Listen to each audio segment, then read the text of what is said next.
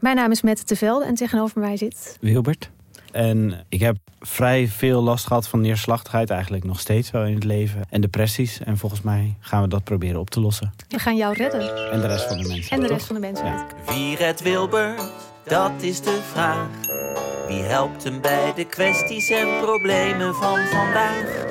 Luister naar Wie redt Wilbert en de rest van de mensheid. Een podcast van de VPRO voor NPO Luister.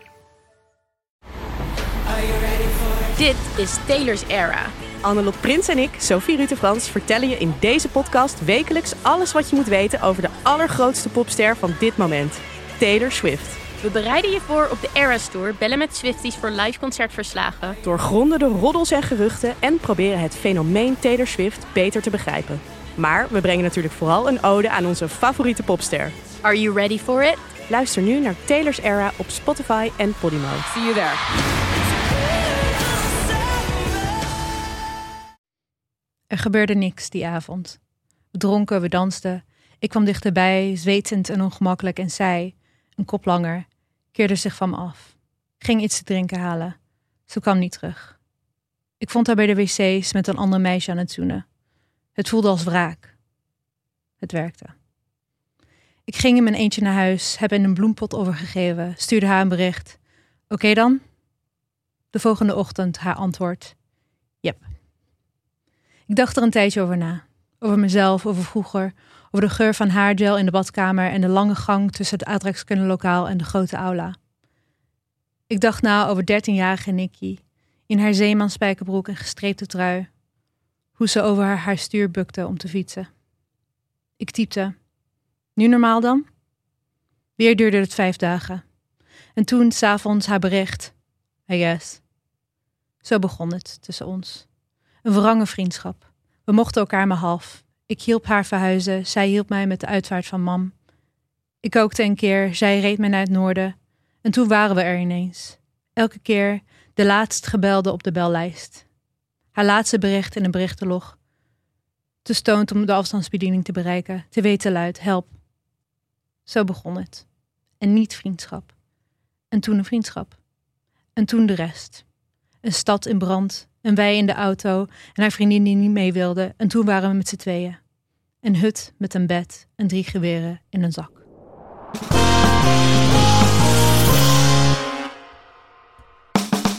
Welkom bij Fucking Horny, een bonusserie waarin wij, Marilotte en Lydia, praten met auteurs die een bijdrage schreven voor de tweede seksverhalenbundel die wij samenstelden, genaamd Fucking Horny. En eh, het boek ligt op 4 oktober in de winkel. Yay! Nou, en dit fragment, dit geweldige fragment, kwam uit het zombie-verhaal. Getiteld Het is de zombie-apocalypse en de Beach Boys komen op de radio. Geschreven door Jaël van der Woude, die al eerder te gast was in onze podcast om te praten over lichaamshaar. eh naar aanleiding van een geweldig essay in het boek De Goede Immigrant. Ze is verder schrijver, doseert literatuur. Haar werk is bekroond met allerhande prijzen. En ze geeft les in het schrijven van erotische verhalen.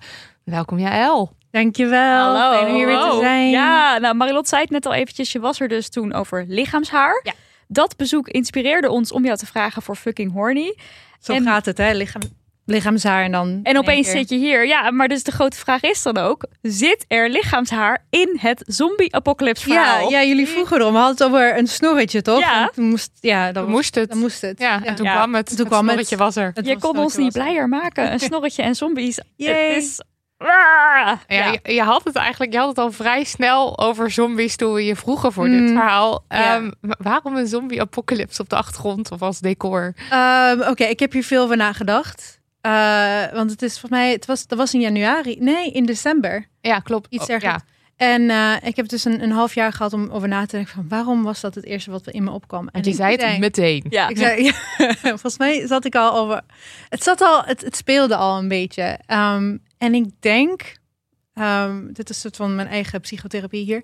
Ehm, het heeft iets te maken met soort van het idee dat we nog steeds menselijk me- mogen blijven, of soort van stom menselijk op een, op een de kleinste manieren, terwijl er een crisis gebeurt. Ah, ja, ja, ja. Ehm, Oh ja, mooi. ja, ja, ja, Ja. oké, we zijn Heel er mooi, heel diep. Ja, heel, ja. Nee, het is, het is gewoon de laatste drie jaar. En ook, ik denk, weet je, het is...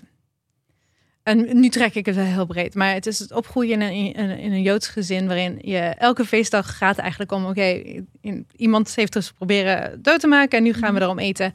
Ehm, dat, dat soort van het idee van crisis en iets wat altijd in de achtergrond kan gebeuren of Ja. het, het komt voor je. Ja. Ehm, dat heeft bij mij altijd heel erg gespeeld. En natuurlijk corona en alles, de laatste zoveel jaar, ehm, heeft het bericht gehad van ja, dat klopt. Ja, crisis kan altijd gebeuren. Ja. Dat is ook zo. En ik, ik, mijn grootste angst is altijd dat, dat het kleine dan niet mag bestaan. Een soort van idioot zijn of, ehm, of, of eh, slechte beslissingen maken of de goede beslissingen maken of ehm, avondeten met je beste vriendin. Dat die kleine momenten eh, verdwijnen wanneer er Mhm. crisis is. En eh, dat blijkt dus niet zo te zijn. Ehm, maar toch ehm, wil ik, ik, ik wou er gewoon mee zitten met het, ehm, het foute beslissingen en kleine beslissingen en, en alles daaromheen. Dat dat kan blijven bestaan terwijl de zombies eigenlijk op je afkomen. Ja.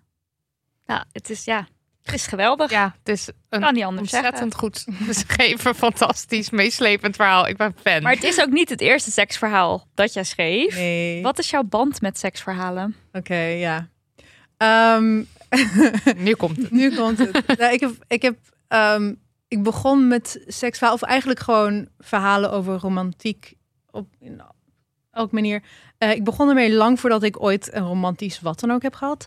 Ehm, ik, ik denk dat wat. Ik had. ehm, ik wou gewoon heel graag. Ik wou heel graag eh, aangeraakt worden en seks hebben en verliefd worden. Maar er was, er was gewoon niemand die. Ik bedoel, er was niemand waarvan ik Om het mee te doen. mee, mee te doen. het, het klinkt alsof ik keuze had. Ik had ook geen keuze. Ik was totaal onzichtbaar. Ehm, eh, wat trouwens ook gewoon een, een zijspoor is van ehm, The Horny Invisible Teenage Girl. Ik denk dat dat een, eh, ook een thema is die ik, die ik wel... Ik bedoel, ik vind dat het meer mag zijn. Ja. Ja, Ehm, Helemaal dat, is, eens. dat is een ander, ander, ander gesprek. Maar ik, ik wou het heel graag. Er was eh, niemand. Ehm, en ik denk, en dit komt natuurlijk weer terug op een soort van dat hele... wat mag er blijven bestaan terwijl er crisis is. Natuurlijk, puberteit is een crisis. Ja. Ehm, de apocalyps eh, in je eigen lichaam. Eh, ik denk dat een soort van controle hebben op bepaalde dingen. Dat was mijn manier om controle te hebben. Oké, ik kon geen partner vinden om mee, zo, hoe zeg je dat? Frozen. Ehm, soms, soms is mentaal. Ik, ik heb Nederlands van mijn opa geleerd en die was best wel ehm, old-fashioned. Dus soms heb ik gewoon woorden die niet. Frozen. maar Frozen. Frozen is een geweldig woord. het I love ja. it. Ja. Eh, ja, en, en dus ging ik erover schrijven. Het was heel slecht. Het was heel slecht de eerste paar jaar. Maar wacht, eh, hoe oud? Want welke leeftijd? Volgens mij begon ik op mijn dertiende. Oh ja. Ehm, Grappig dat je dan zegt, het was heel slecht. het ja, wat... was, Jij was nee, ook 13. Ik was het was, ik wist het omdat ik, ik schreef het dus. Het was, het begon met soort van eh, en mijn eigen verhalen en toen ehm, vond ik forums online en toen werd het heel snel fanfiction. En ehm, en ik, ik wat, wat je doet in, in, in de communities en fanfiction communities, wat je- doet is je geeft het aan iemand aan een beta lezer om te lezen. En er zijn gewoon, er, is, zijn forums waar je beta lezers kan, kan vinden. En zij wisten niet dat ik een 13-jarig meisje was. Dus ik had gewoon aan iemand gegeven. Dit was een, eh, ik weet niet, een verhaal over twee personages die, eh, die gingen zoenen voor de eerste keer. En ik had nog nooit gezoend. Ehm, en ik kreeg terug met, wat is dit? Heb jij ooit gezoend? En de antwoord was natuurlijk nee. Oh. Nee, ik heb nog nooit gezoend. Dus Maar was je op je hart getrapt? ik weet het niet meer. Het zou wel moeten. Maar op de een of andere manier ben ik wel doorgegaan. Ja, je hebt wel doorgezet. En er was het heel veel. Dit, ik heb laatst een gesprek hierover met een vriendin gehad. Van ik weet niet waar mijn sense of. Soort van, nee, het kon wel goed ehm, als het ging om schrijven, als het ging om dat soort dingen. Ik was ook heel slecht in school. Ik, ik heb, ben er voor mij drie keer blijven zitten, twee keer blijven zitten. Ehm, en nog steeds had ik soort van, nee, nee ik moet wel eh, naar de universiteit. Terwijl ik had helemaal geen bewijs dat het. dat ik het ook oergevoel. kon. Ja, maar het, ik bedoel, het, het had ook heel slecht kunnen uitpakken. Ehm, eh, ja, dus ik, ik bleef daarmee doorgaan. Ik kreeg heel veel, ehm, laten we zeggen, constructieve feedback van het internet. maar ik heb er ook heel veel van geleerd. Heel veel van geleerd. En eh, ik denk dat het. Dus, en toen ik ook re- relaties begon te hebben en inderdaad voor de eerste keer heb gezoend en toen erachter kwam van oh eigenlijk is het zoenen veel fijner op pagina en, en dat, dat was het bleek gewoon dat ik eh, Oh, ja, ja. dat dacht ik eerst. Maar oh, je dacht dat het ik dacht het was eerst, want het was, nou ja, het was, het was een jongen. En ik dacht van, oh nee, dit is helemaal niet. Ah. Waar zit dit? Oh, Ja, ja, ja, ja. oké, nee, ja. dat was dus een, dat was een proces van ontdekking. Ehm, eh, maar het is, ehm, ik denk dat, dat het, het graag willen en het niet weten hoe je het kan krijgen, ehm, dat heeft zich heel erg soort van verankerd in, in mijn schrijven. Mm. En ik denk dat heel veel van mijn verhalen daarna, ook niet seksverhalen, ook niet eens romantiek verhalen, dat erin hebben. Dat, dat gevoel van spanning. Hmm. Ehm, en later, toen ik ook andere dingen begon te schrijven, ik denk dat ik daar heel veel uit heb gehaald. Dat ik begon met ehm, twee personages te laten zoenen, terwijl ik het zelf niet wist. En Mm. dat ik het zo graag wou. Dat, dat, dat gevoel van iets willen en niet kunnen krijgen. Ik denk dat dat een, een manier van schrijven creëert waar heel veel spanning in zit. Ehm, en heel veel ehm, verwarring. En, en dat heb ik gewoon altijd wel meegenomen naar andere dingen. Dit heb je niet gevraagd, maar ik, ik geef het toch als antwoord. Ja, dat, ik I love het antwoord. en en eh, eh, wat, maakt wat maakt een, een seksverhaal in jouw ogen een goed verhaal? Hmm, Want je geeft les hierin. ja. Ehm, Want inmiddels ben je zo goed geworden, misschien wel door de constructieve feedback van het Dus internet, zeker, dat je nu les geeft. Zeker. Ehm, Oké, dit, is, dit is advies voor het schrijven van een seksverhaal of een, voor zelfs een romantisch verhaal. Dit is niet advies voor het hebben van seks. Of, Nee, precies. Ja. ehm, Dat dat even heel duidelijk is. Heel duidelijk, dit gaat niet om real life situations. Ik denk wat, wat een ehm seksverhaal of inderdaad gewoon een romantisch verhaal in het algemeen of wat voor verhaal dan ook, als het gaat om twee personages. Wat het goed maakt is, ehm, wat is het ja en wat is het nee? Ehm, wat trekt twee personages naar elkaar toe en waarom kunnen ze niet bij elkaar zijn? Ehm, wanneer je een van die elementen niet hebt, dan, dan gaat het verhaal toch wat ergens om ergens andersom. Ehm, neem bijvoorbeeld Romeo en Juliet, right? Je hebt alleen maar de nee. Je hebt waarom nee. Ja, Ze hebben de, de families, ze hebben het hele, you know, two Grote cities, nee. bla, bla, bla, grote nee. Waarom ja? Ze hebben elkaar gezien. Ja. Dat is niet een hele grote ja. Ehm, je hebt eh, een zombie-apocalypse verhaal. Ja, dat is ook een hele grote waarom nee. Mhm. Eh, mensen komen achter je aan. Ehm, wanneer de, een verhaal ze allebei heeft, dan wordt het net wat sterker. Waarom ja? Hmm. Zit er een waarom ja, waarom nee in ons? Denk het wel. Niet zozeer in de Denken. relatie, maar meer in of de seks wel of niet. eh wel of niet gaat gebeuren. dat Ja. is een zijspoor, sorry. Nee, nee. Ik ben gewoon nu al geïnspireerd door je advies. Oké, is ja. een heel erg super concreet Ja, advies. en- om dan, om, en, en dan daar, je bedenkt wat ineens een ja. En dan daarmee ga je, want dan creëer je ook die spanning. Precies. Ik begin meestal met een ja en daarom bedenk ik de nee. En ik vind voor mij is het, ehm, wat ik het allerleukste vind, is wanneer de nee. Er zijn twee soorten nee's. Er, zijn, er is een nee van buitenaf en een nee van binnenaf. En van binnenuit. Ehm, als de nee van buitenaf komt, dan, ehm, dan kun je allemaal redenen bedenken waarom ze wel bij elkaar moeten zijn. Maar ja, de wereld is gewoon zoals het is, dus ze kunnen niet. Ja. Ehm, wanneer het ook van binnenuit komt, dan is het extra. Bijvoorbeeld Fleabag heeft een hele duidelijke van buitenaf nee en van binnenuit nee. Nee van buitenaf, omdat hij, dit is seizoen 2, Mhm. spoilers voor Fleabag seizoen 2. Spoiler, spoiler, spoiler, spoiler. Ja, kom door. erin. hebben jullie Fleabag? eh? Ik eh, heb het wel gezien, maar ik, ik wil eh, vertel hoe het zit. Want, Ehm, nee van buitenaf, hot priest is a priest. oh ja, dat niet ja. zijn. Ja, En van binnenuit is omdat ze, dat is heel cliché, maar ze moet nog van haarzelf leren houden. En wanneer je dat van binnenuit hebt van oké, je kan niet bij elkaar zijn omdat er is iets aan, aan beide personages. En ik zeg beide personages, want als het maar één personage is die moet veranderen, is best wel. Ik vind, ik, ik, ik vind het dan best wel saai. Ehm, ik wil dat ze allebei veranderen. Pride and Prejudice, Darcy en Elizabeth. En Elizabeth, allebei ja. veranderen. Ehm, eh, ze moeten voor elkaar veranderen. En als er ook van iets van buitenaf is, dan eh, cre- creëer je eigenlijk een clusterfuck van situaties die allemaal net perfect moeten staan. Wil je dat het werkt? ja. En dat is de spanning waar ik dan over heb. Van het willen en niet kunnen. En wanneer dat dan wel result krijgt, dan krijg je een soort van, als lezer ook, dan, eh, dan zit je eigen spanning lichamelijk ook wat hoger. En eh, wanneer dat opgelost wordt, ja, dan, dan is het Ontlading. Ontla- Climax. Ja. En zit er dan ook eh, op, opwinding, bij het schrijven van erotische verhalen ook opwinding zelf bij jou bij of niet? Ehm, nou ja, oké. eh, ik, ik, wat ik wel kan zeggen, ik denk, ik geloof wel in een soort van de scheiding van de schrijver en de werk zelf. Ehm, maar wat ik wel kan zeggen is dat als je het zelf niet gelooft, dan, dan gelooft je lezer het ook. Nee, precies. Ja. Ja. Je, je moet er zelf wel gewoon lekker op gaan. Ik vind dus Ja. ook, als, als wij samen dus een verhaal schrijven, zit ik ook de hele tijd, sorry, maar dat zegt een mens niet. Ja, I know. En- Ik ben er altijd heel, ik kan dat dan niet, ik kan daar niet soepel in meeglijden als het te, Ja.